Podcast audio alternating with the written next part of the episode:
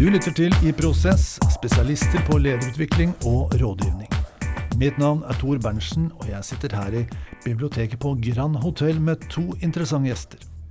Da vil jeg gjerne starte med å ønske velkommen til Caroline Nystrøm, tidligere konsernsjef i Schneider Electric Norge. Velkommen, Caroline. Tusen takk. Du har jo vunnet noen priser, både i Norge og i det store utlandet. De må jeg høre mer om. Altså, Hvordan får du en pris? Du har ikke meldt deg på sånn som man gjør i Melodi Grand Prix eller noe sånt? Har du det? Nei, man blir nominert, og så er det en jury som eh, bestemmer hvem som får prisen til slutt. Sånn tror jeg det funker. du vet hvordan det funker. Hva slags priser er det du har fått? Eh, jeg har eh, vunnet en pris i Europa for den beste CO-en innenfor renewable i 2019. Jaha. Så det er kanskje den gjeveste prisen. Så det var kjempemorsomt. Ja, det skjønner jeg. Vet du altså, bakgrunnen for det? Det var sikkert en begrunnelse for at du fikk den? Ja, altså jeg tror at det har mye med den passion og synligheten man har som leder, og det man oppnår. Det er de to tingene. Ja. Så jeg elsker jo å jobbe med grønn omstilling, og syns at det er kjempegøy. Ja. Eh, og det, når man har passion for en ting, så blir man ofte litt synlig også. Og når man i tillegg da leverer resultatene, så er det en veldig, veldig bra kombo. Ja, jeg skjønner. Mm. Fortell litt om hvordan du ble leder i Schneider, altså historien før det. Altså jeg har jobbet eh, ti år som strategikonsulent, både i Norge og utlandet. Og så har jeg jobbet eh, 15 år i industrien, bl.a. i Telenor. Eh, så eh, rollen i, i, Schneider, da begynte jeg først som salgsdirektør og rykket opp ganske kjapt. Eh, og det som jeg syns var spennende med det selskapet, er jo et selskap som er helt unikt posisjonert inn mot det grønne skiftet. Ja. Eh, og har startet en grønn strategi veldig tidlig, og det syns jeg er kjempegøy. Ja. Som leder kan du si én ting som du er spesielt opptatt av i lederskapet? Om, har fått inntrykk av hvem du er som leder? Ja, jeg er spesielt opptatt av folk. Eh, og det kan ofte høres ut som et stort klisjé, men jeg får masse energi ved å jobbe sammen med masse mennesker og utvikle spesielt toppledergrupper. Ja. Syns det er kjempegøy. Skjønner jeg godt.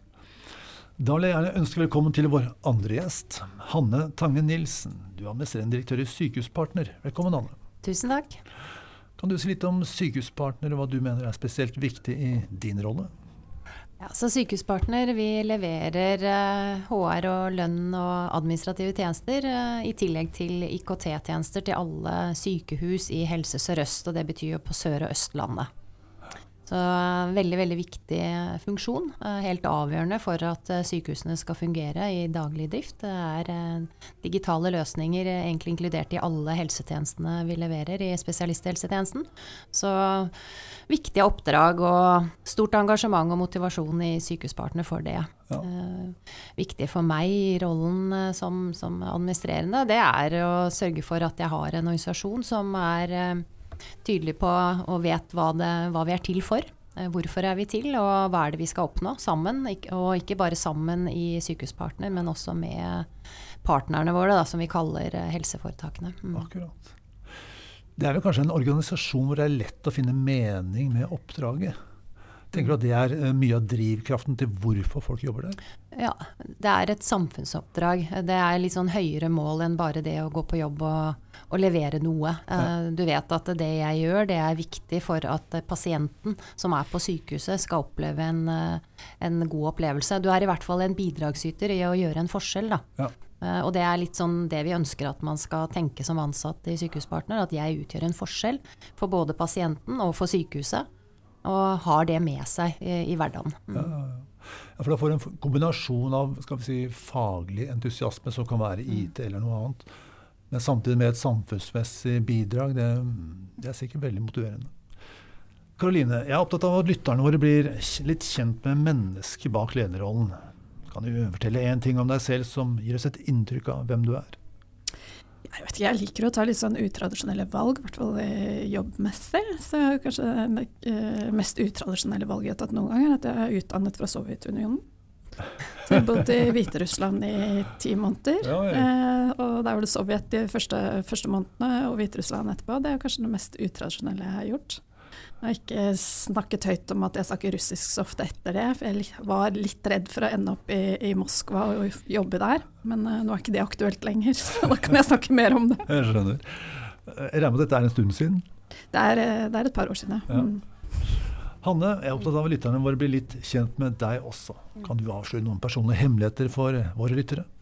Jeg vet ærlig talt ikke om jeg har så mye personlige hemmeligheter. Altså, jeg prøver å være ganske åpen og transparent med hvem jeg er. Og, men jeg er litt sånn klønete, da. Jeg kan kanskje fremstå som jeg, jeg, har litt kontroll på det meste, men, men det har jeg ikke.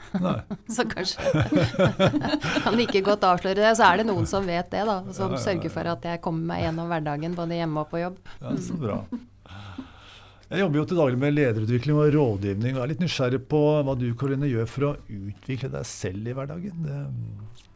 Altså jeg er uh, veldig opptatt av uh, lederskap generelt og samfunnsutvikling. Så det er liksom de to te temaene jeg syns er morsomt. Og jeg er helt hooked på podkaster. Hører på masse podkaster, ja. både norske og internasjonale. Eh, så det er én ting. Og så lærer vel jeg egentlig mest i dialog med andre. Et, være sammen med folk som har et annet perspektiv eller kan noe annet. Ja, ja, ja. Eh, det er en veldig god måte å lære, lære å utvikle seg på. Om deg, Anne, hva gjør du for å, gå, for å gå fra bra til bedre? Kan, hvis jeg bare tar det siste halvannet året som jeg har vært i Sykehuspartner, så har det vært uh, mye å jobbe med å forstå den uh, bransjen jeg kom inn i, da, den sektoren. Jeg kommer jo fra Telekom. Så uh, det har vært det å skjønne det, forstå hva sykehuset er. Um, finne ut av hva er behovene der ute. Uh, hvor godt er det vi treffer på de behovene. Og, og samtidig også lære Sykehuspartner å kjenne, og ledergruppa å kjenne. Så det har vært mye på å øke kunnskapen uh, ja. der jeg er, og hva vi må gjøre for Og samtidig da, uh, se på hva er det vi må gjøre for å endre oss. Mm. Ikke, ikke, søkt så mye utafor det. Nei, det skjønner jeg sånn. godt. Det er mer enn nok. Mm. Altså Når man er relativt ny i en stilling, så er jo det å lede er jo å lære. Ja, men jeg kan si en ting til. Jeg liker å engasjere meg samfunnsmessig. Jeg har jo sittet i totalberedskapskommisjonen, og det vi leverte jo i juni i fjor. Så ved siden av oppstart av den jobben, så har jeg gjort det. Og det var mye læring, med veldig spennende læring i forhold til hvordan beredskap fungerer i helse, hele samfunnet. Ja. Samtidig som eh, du fikk liksom helse som en delmengde av det, som jo var veldig nyttig i seg selv. altså og så skal jeg inn i et utvalg nå i år, så jeg liker å være med på, på en måte å påvirke også hvordan samfunnet vårt eh, utvikler seg. Mm. Mm. Engasjement, skjønner jeg. Ja. Her, her, det, ja. trenger ikke kurs for å engasjere deg, det er bare å trykke på knappen, og så er gassen i bånn. Mm. Vi har en svært aktuell problemstilling, og den er ikke engang spissformulert. Nesten litt, skal vi si, kjedelig. Altså, Hvilke utfordringer må toppledere takle når de implementerer strategien? Og jeg, når jeg kjenner litt på den, den problemstillingen, tenker jeg liksom ja, vet du hva, ja, den er litt sånn, det, var ikke noe, det var ikke sexy formulert. Jeg har prøvd å gjøre den litt mer spennende, jeg skal ta det etterpå, men, men det er liksom så, så, reelt at det er vel en utfordring som alle toppledere med alle ledere kjenner på i, til alle tider, alltid. Mm. Så um, vi skal jo ikke prøve å løse denne utfordringen, det er nok litt i overkant, men vi kan jo reflektere rundt den. Jeg prøvde å gjøre den litt mer spennende ved å si hvordan overvinne motstand og implementere strategien på rekordtid. Men da må jeg ha en mystisk stemme for å få den til å virke mer sexy. Vi får se. Vi finner vel ut av det, tenker jeg. Mm. For å starte samtalen vår så har jeg eh, hentet fram et eh, studie fra 2021 i Towers Watson, et selskap i England. Og de har følgende statistikk. Altså, hvorfor mislykkes 75 av endringsprosessen? Av de tallet 75 er ikke spesielt de eh, fleste undersøkelser jeg har lest og hørt om, ligger på sånn 60-80% hvor man ikke får de resultatene man ønsker. Men her er det noe spesielt. De sier nemlig at 68% av toppledere følte at det ble informert om årsaker til endring. Ja, Hvis vi sier at det er ti toppledere i en uh, virksomhet, så er det altså tre av ti da, cirka, som ikke følte at de ble informert. Og det liksom Ordet 'føle' og 'informert' det er jeg litt sånn nysgjerrig på. Mm. Eh, hvorfor, da sitter altså tre-fire stykker der da, kanskje, og tenker at ja, jeg er ikke helt om bord på dette. Det er jo informert rent logisk sett, så må det jo være det. Hva tenker dere om uh, deg, Karoline, først? da, Hva tenker du om denne studien og disse resultatene? Er det, er det relevant? Kjenner du det igjen? Jeg tenker at det er kjempe kjemperelevant. Og så kjenner jeg at jeg sliter litt med å starte å snakke om implementering av strategi uten å ha snakket om hvordan strategien faktisk har blitt utviklet. Ikke sant. Så hvis ja, du Skjønner. Hvis du eh, sitter alene på toppen og lager en strategi med styre og styreleder, og så informerer om det, så er det ikke så rart at du får det resultatet at noen føler seg utelatt. Så jeg tenker jo hvor god du er på implementeringen handler også om hvor, hvor, eh, hvem du har hatt med, og hvilke prosesser du har hatt for å utvikle strategien. Ja. Mm. Eh, så hvis du ikke har med deg ledergruppa di, så har du jo i hvert fall i norsk kontekst eh, feilet ganske stort. Mm, mm. Det er ikke sant? Så, så Ja, ja, du, må, må gå litt lenger til, tilbake i prosessen.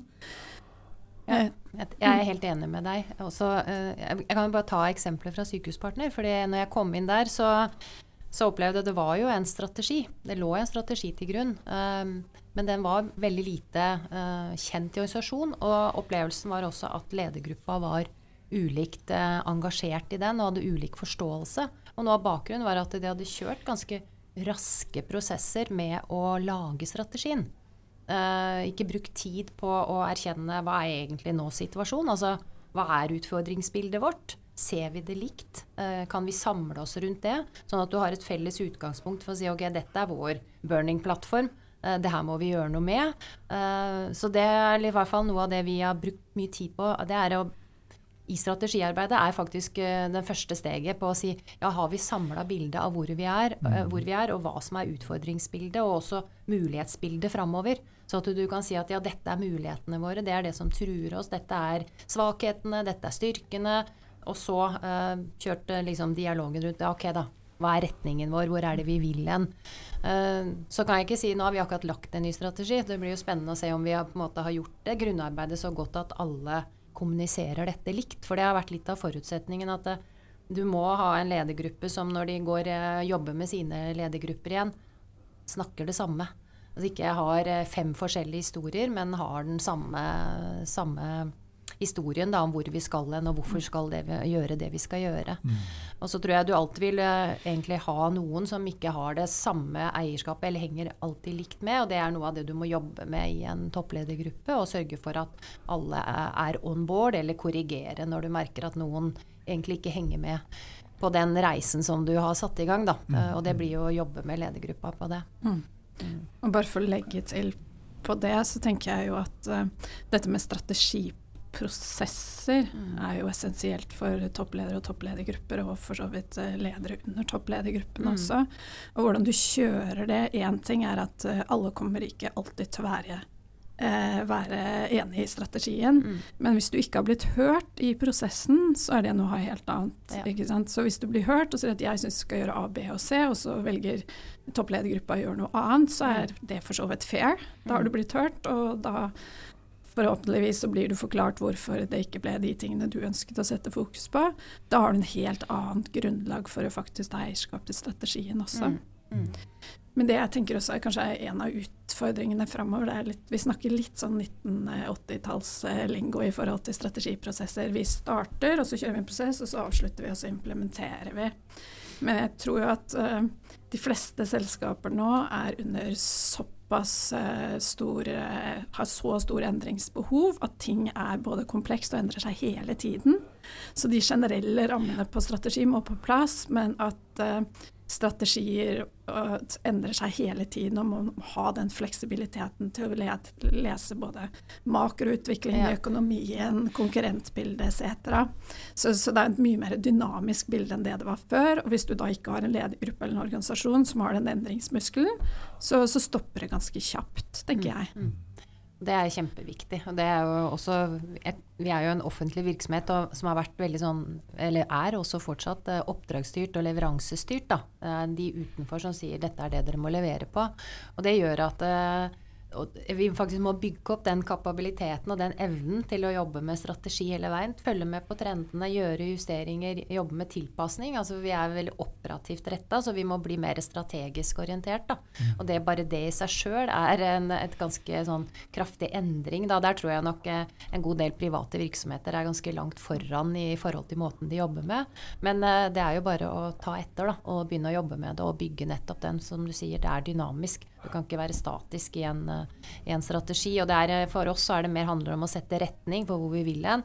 Og så må du jobbe med utviklingsplan og, og justere den ettersom du ser at det, det er behov for å endre, da. Eller kanskje vi ikke klarer å endre oss i den takten vi har eh, forutsatt også. Mm. Eh, For det, det kan godt hende at vi har et ønske om å løpe raskere enn det som eh, organisasjonen og også omgivelsene, altså kundene våre da, eller helseforetakene, evner å gjøre. Mm. Ja, ikke sant? Og jeg tenker jo spesielt eh, sånn som du gjør nå, jobber i et selskap som er veldig teknologidrevet. Der skjer jo endringen i en stor takt. Ikke sant? Og det å eh, utvikle en organisasjon som kan håndtere det på en god måte. Jeg syns det alltid er interessant, for når ledere, ofte toppledere også, blir spurt er du god på endring, så svarer alle ja, kjempegod på endring, veldig god på endring. er du til og med. Ikke sant? Og det, sannheten er jo at de færreste av oss er gode på endring. Eh, jeg tok meg selv i en, eh, en sånn endringsprosess for, her for noen år siden, og da lo jeg litt av meg selv. Em, Posten har jo eh, s- stengt ned ganske mye postkontorer de siste ti årene. Så det lokale postkontoret som var på kjøpesenteret skulle stenges. Og jeg tenkte å, det er jo litt trist. Og så skulle det flyttes til den lokale Coop-en. Mm. Og jeg tenkte å, det var trist, dette lokale postkontoret. Og vi ble stående og prate litt naboer, og nei, det var kjempetrist. Og det var liksom litt sånn sorg, da. Mm.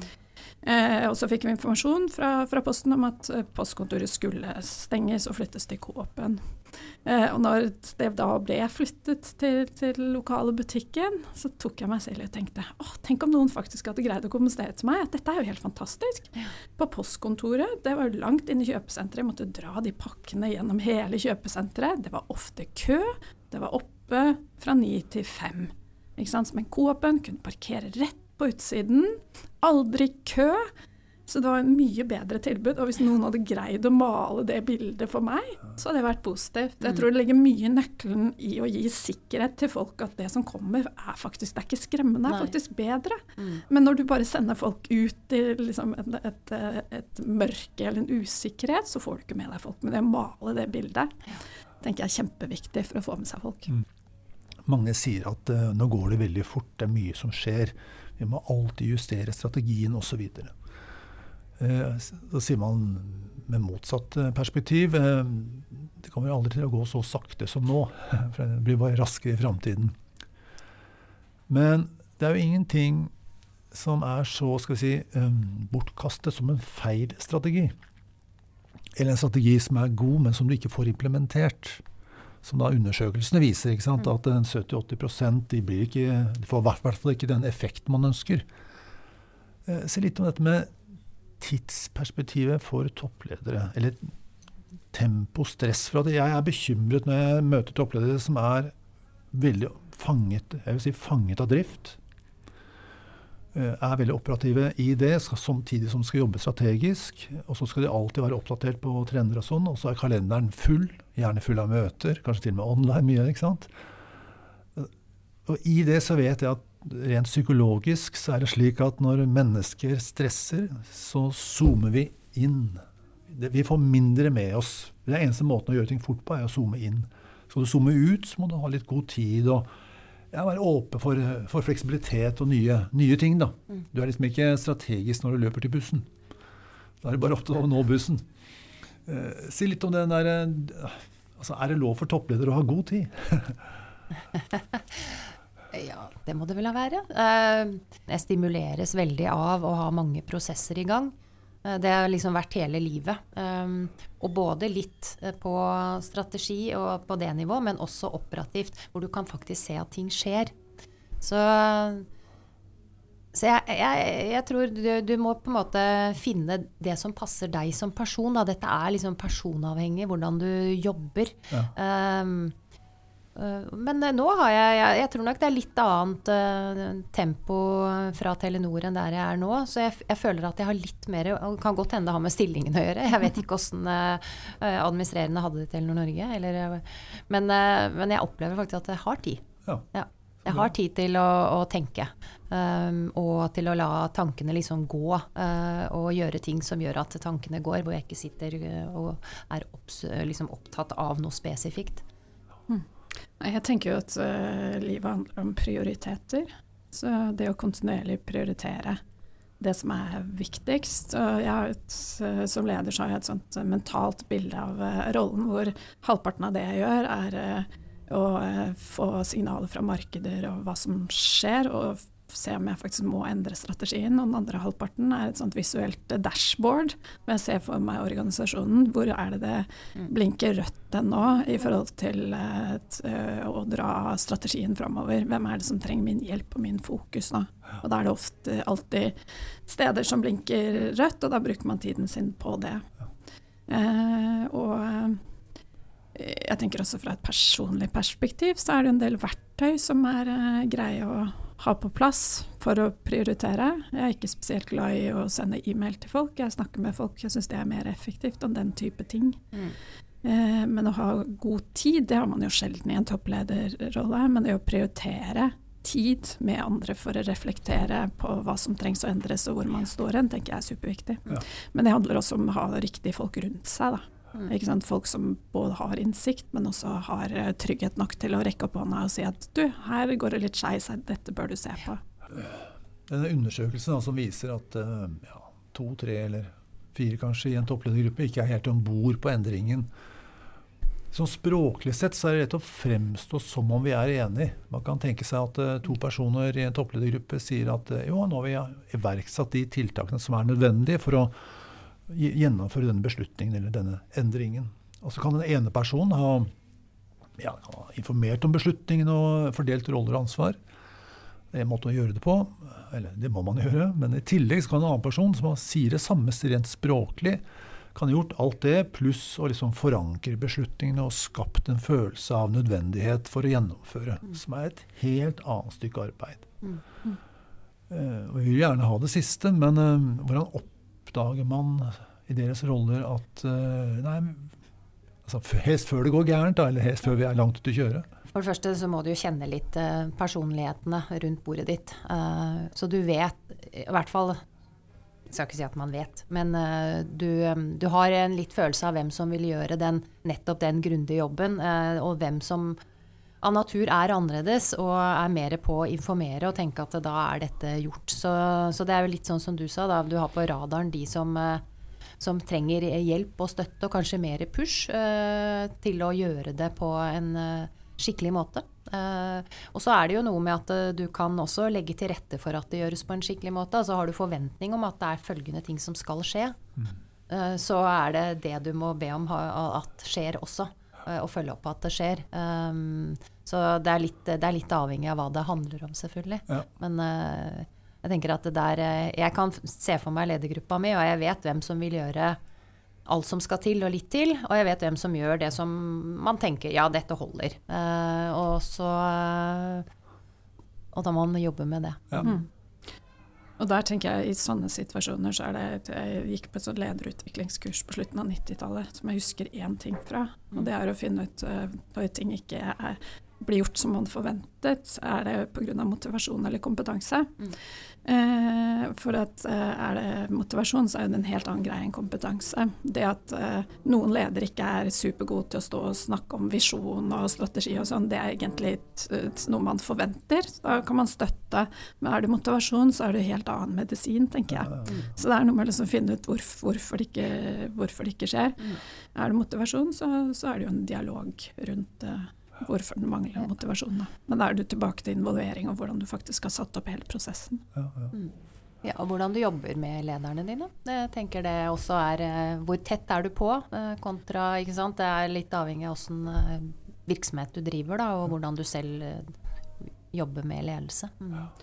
Ja, og gruppedynamikk også. Jeg ser jo at i, i, toppledergrupper som har en god dynamikk, så går man jo faktisk til kollegaene sine og spør om hjelp. Også, mm, da, mm. da, blir jeg glad. ikke sant? Hvis uh, Kjetil er bedre til å presentere dette enn, enn Karianne, så kanskje Kjetil får være med på noen av Kariannes møter, og at de jobber sammen. Mens kanskje Karianne er bedre på implementeringen. Så altså får du den dynamikken, at mm. folk hjelper hverandre. Uh, for at et skillset i en toppledergruppe er at folk er gode på forskjellige ting. Mm. Dere beskriver en lederrolle begge to som er veldig sånn menneskeorientert og veldig opptatt av menneskelige si, følelser og samhold og interaksjon, og kjenner folka veldig, veldig godt. Og toppledere har jo ofte si, prosesser for å utvikle sin ledergruppe nettopp for å bli veldig god på samspill. Eh, kanskje dere til og med er toppledere fordi dere er gode på samspill. Men hva med mellomlinjeledere og førstelinjeledere, eh, som kanskje ikke har den type egenskaper og trening heller. Um, er, det, er det det som er årsaken til at endringene av og til stopper opp på vei ned i linja? Jeg tenker jo at uh, nivå to, eller led, altså nøkkelleder i en organisasjon som ikke sitter i toppledergruppa, er ekstremt viktig. Og da er det snakk om å gi de riktige rammer for å lykkes. Uh, og holde de informert, holde de involvert. Uh, bidra til også de kan ta, ta budskapet nedover. Så det er snakk om å, å, involvere og gi de riktige verktøy, tenker jeg. Mm. Eh, og hvis da toppledergruppa svikter, så, så, mister du jo fort den effekten, ikke sant. Men småting som f.eks. å ha et eh, Vi pleide å ha eh, utvida ledergruppemøter en gang i måneden, som jeg har skjønt etter hvert er ganske hyppig. Eh, men da føler jo topp 70-lederne i organisasjonen seg involvert og kan bidra etc. Så det er jo en investering for å holde nøkkelledere eh, informert og involvert hele tiden, tenker jeg. Jeg tror det, det er veldig viktig. At uh, man det, ikke, sant, ikke, hele tiden blir viderefortalt. Men at det kommer også fra toppleder sjøl, at du hører hva er det som sies. Du får begrunnelsen, og spesielt med viktige beslutninger, viktige endringer. Og der hvor du må ha med mange, så, så, må de også høre begrunnelsen eh, rett fra kilden, da, for å si det sånn. Som eh, i hvert fall den som tar beslutningen eh, endelig. Mm. Så ikke det blir den viskeleken som det jo kan bli, helt ut til det ytterste leddet. Så mm, det bør skje ofte. Så om, om det er én gang i måneden, eller men i hvert fall jevnlig, at det ligger på plan. Og så er det i prosesser å engasjere, sånn at de som sitter i toppledergruppa, har, kjører prosesser i egne, egne ledergrupper. Ja. Uh, sånn at det også er, uh, de er deltakende. At det ikke bare blir servert ting. Uh, det jeg har i hvert fall erfaring på at det blir bedre mottatt da, enn, ja, enn om det blir bare servert. Ja. Mm. Og så er det jo også dette å være i forhold til utvidet ledergruppe etc. Det er jo også å være tilgjengelig for dialog. Mm. Eh, fordi at det er jo, Hvis man tar strategi som et eksempel, da, så er det jo et, en del som har kjempeinteresse av å diskutere strategi og syns det er kjempemorsomt, mens en del syns at det er bare ok, greit, let's get on with it. Mm. Men de som er engasjert, det at folk er engasjert, det skal man både respektere og ivareta, tenker jeg. Så det at eh, man inviterer f.eks. toppledergruppa, nei, utvidet ledergruppe til et strategiseminar, og de som har lyst til å være med, de kan være med. De som ikke har lyst, det er også helt greit. Mm. Men da, sånn, da får du mye mer ut av organisasjonen. Ja. Så er det noe med å ta vare på engasjementet. I dette studiet som jeg henviste til i sted, så er tallene på mellomledere så er det slik at 53% av mellomlederne følte at de ble informert om årsaker til endring, og bare 40% i førstelinje. Så det vil si at ca. halvparten, og enda øh, flere på førstelinje, føler at de ikke blir informert. Jeg tenker litt på denne hva skal til for at folk føler altså at de er at de har fått informasjon? er en ting, Du kan få det på e-post, eller du kan ha hørt en, en, en video, eller mm. vært på et møte og hørt det sagt. At de sitter med en følelse av at jeg er informert, dette her er jeg om bord på. Hva, hva, skal til for å få til det, tenker dere? Jeg tror ikke det er noe sånn uh, fasitsvar. Men uh, det at du har uh, systematisk samarbeid på alle nivåer, og du er innom liksom, Utvida ledergruppe er jo ett virkemiddel. Eh, og du kan også utvide med å ha alle ledere. Det kommer jo an på hvor stor organisasjon du har. Eh, men også fysiske samlinger. Eh, hvor du nettopp får ikke bare bakgrunn for, men hvor du kan jobbe med tematikk. da. Sånn at du nettopp kan engasjere deg i det, og at du, du blir utfordra på det.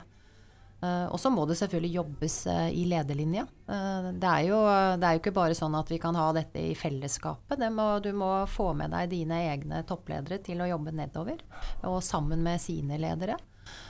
så det her er jo en, det er liksom noe som må være pågående prosess. Så jeg, jeg, har ikke noe fasitsvar på det. men, men at du er bevisst på at involvering Eh, det skaper engasjement. Mm. Eh, hvis du ikke involverer, så får du Da kan det hende du får med deg noen, men eh, du får definitivt ikke med deg alle. Og så er kanskje ikke alle målet, men hvis du kan komme opp i en 70% av lederne som faktisk syns at ok, dette har jeg lyst til å være med på, så, så begynner du å, å, få mange nok til å dra lasset. Da. Mm. Jo, men jeg tror du er inne på fasiten. For jeg tror fasiten er det du sier, at det ikke handler om altså Vi kaller det informasjon, mens det egentlig er interaksjon. Mm eller involvering, da. Men må, for følelser skapes ikke ved at du får informasjon. Det må være veldig spesielt i så fall. Følelser skapes ved at vi gjør ting, og skapes over tid. Sånn at når du sier eh, nei, informasjon er bare starten, det er interaksjon som er tingen, da er vi jo Det er jo fasiten. Og så kan man se hvordan det gjøres, da, som er litt lengre løp, eh, vil jeg anta. Ja, det er så Informasjon eh, er én ting. Eierskap er jo en prosess. ikke sant? Det å få eierskap til en, til en utfordring, en endring. Og hvis det er ledere, så må de ofte stå foran sine og, og vise at man eier det. Og det får du ikke gjennom informasjon, det får du gjennom en interaksjon og en prosess. ikke sant? Så, så det, er om, eh, det er snakk om ekstremt mye kommunikasjon. Det er snakk om uh, det, prosesser. Ha nok tid til å bli god på, på veldig mye storytelling, egentlig. Ja. Ord er kjempeviktig når det kommer til endring. Mm.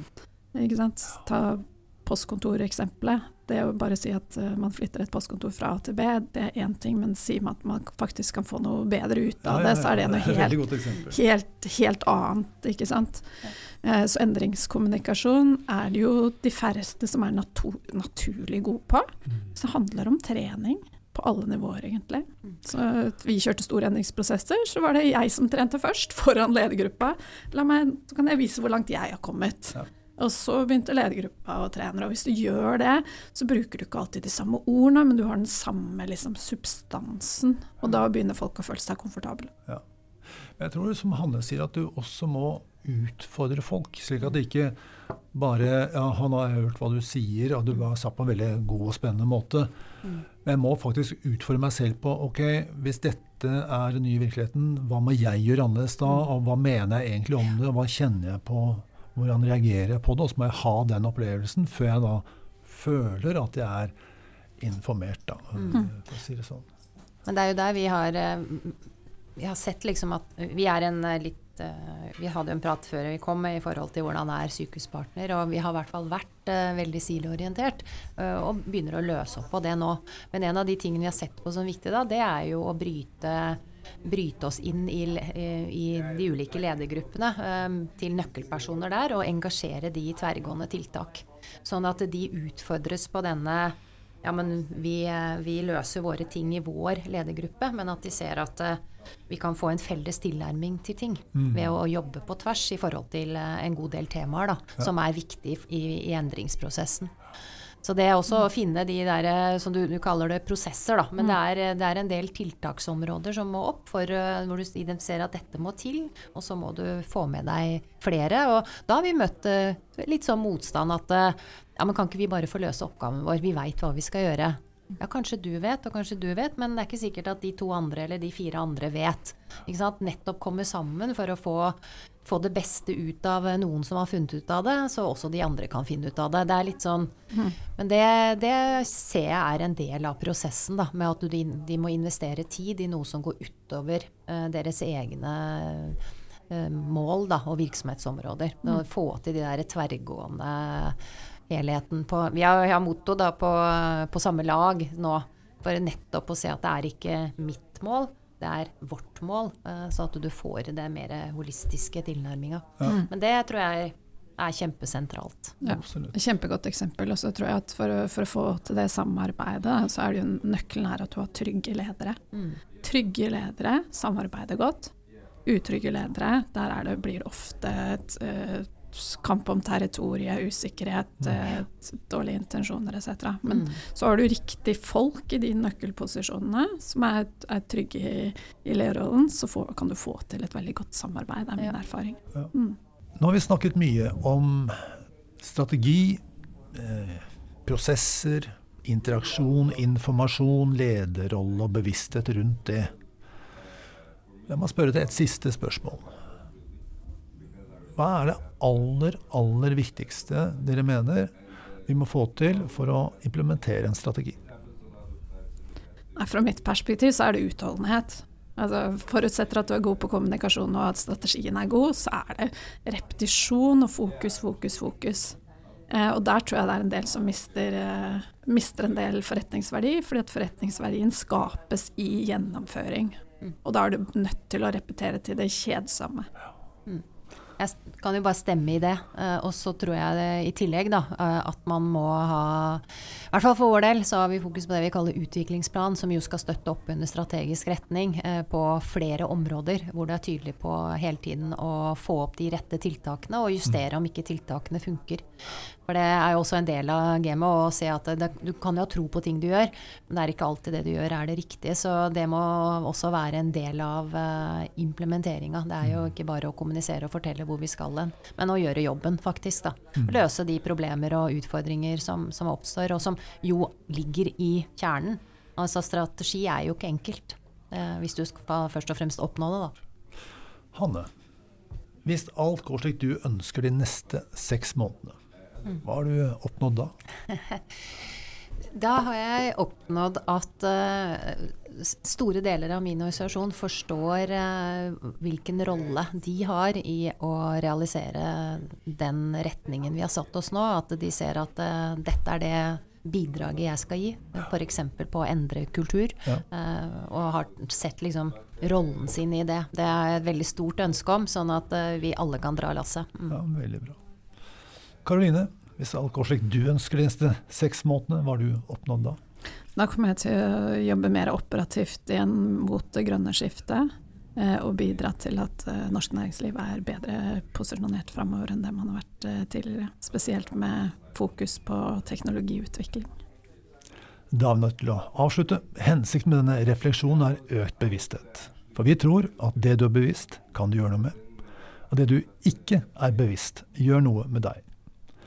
Hvis du som hører på oss ønsker at vi skal styrke din bevissthet ved å invitere spesielle gjester eller belyse spesielle problemstillinger, kan du sende oss en e-post til post at iprosess.no. Da sier jeg takk til våre gjester. Takk, Karoline. Takk, Anne. Takk selv. Takk til våre lyttere, og på gjenhør.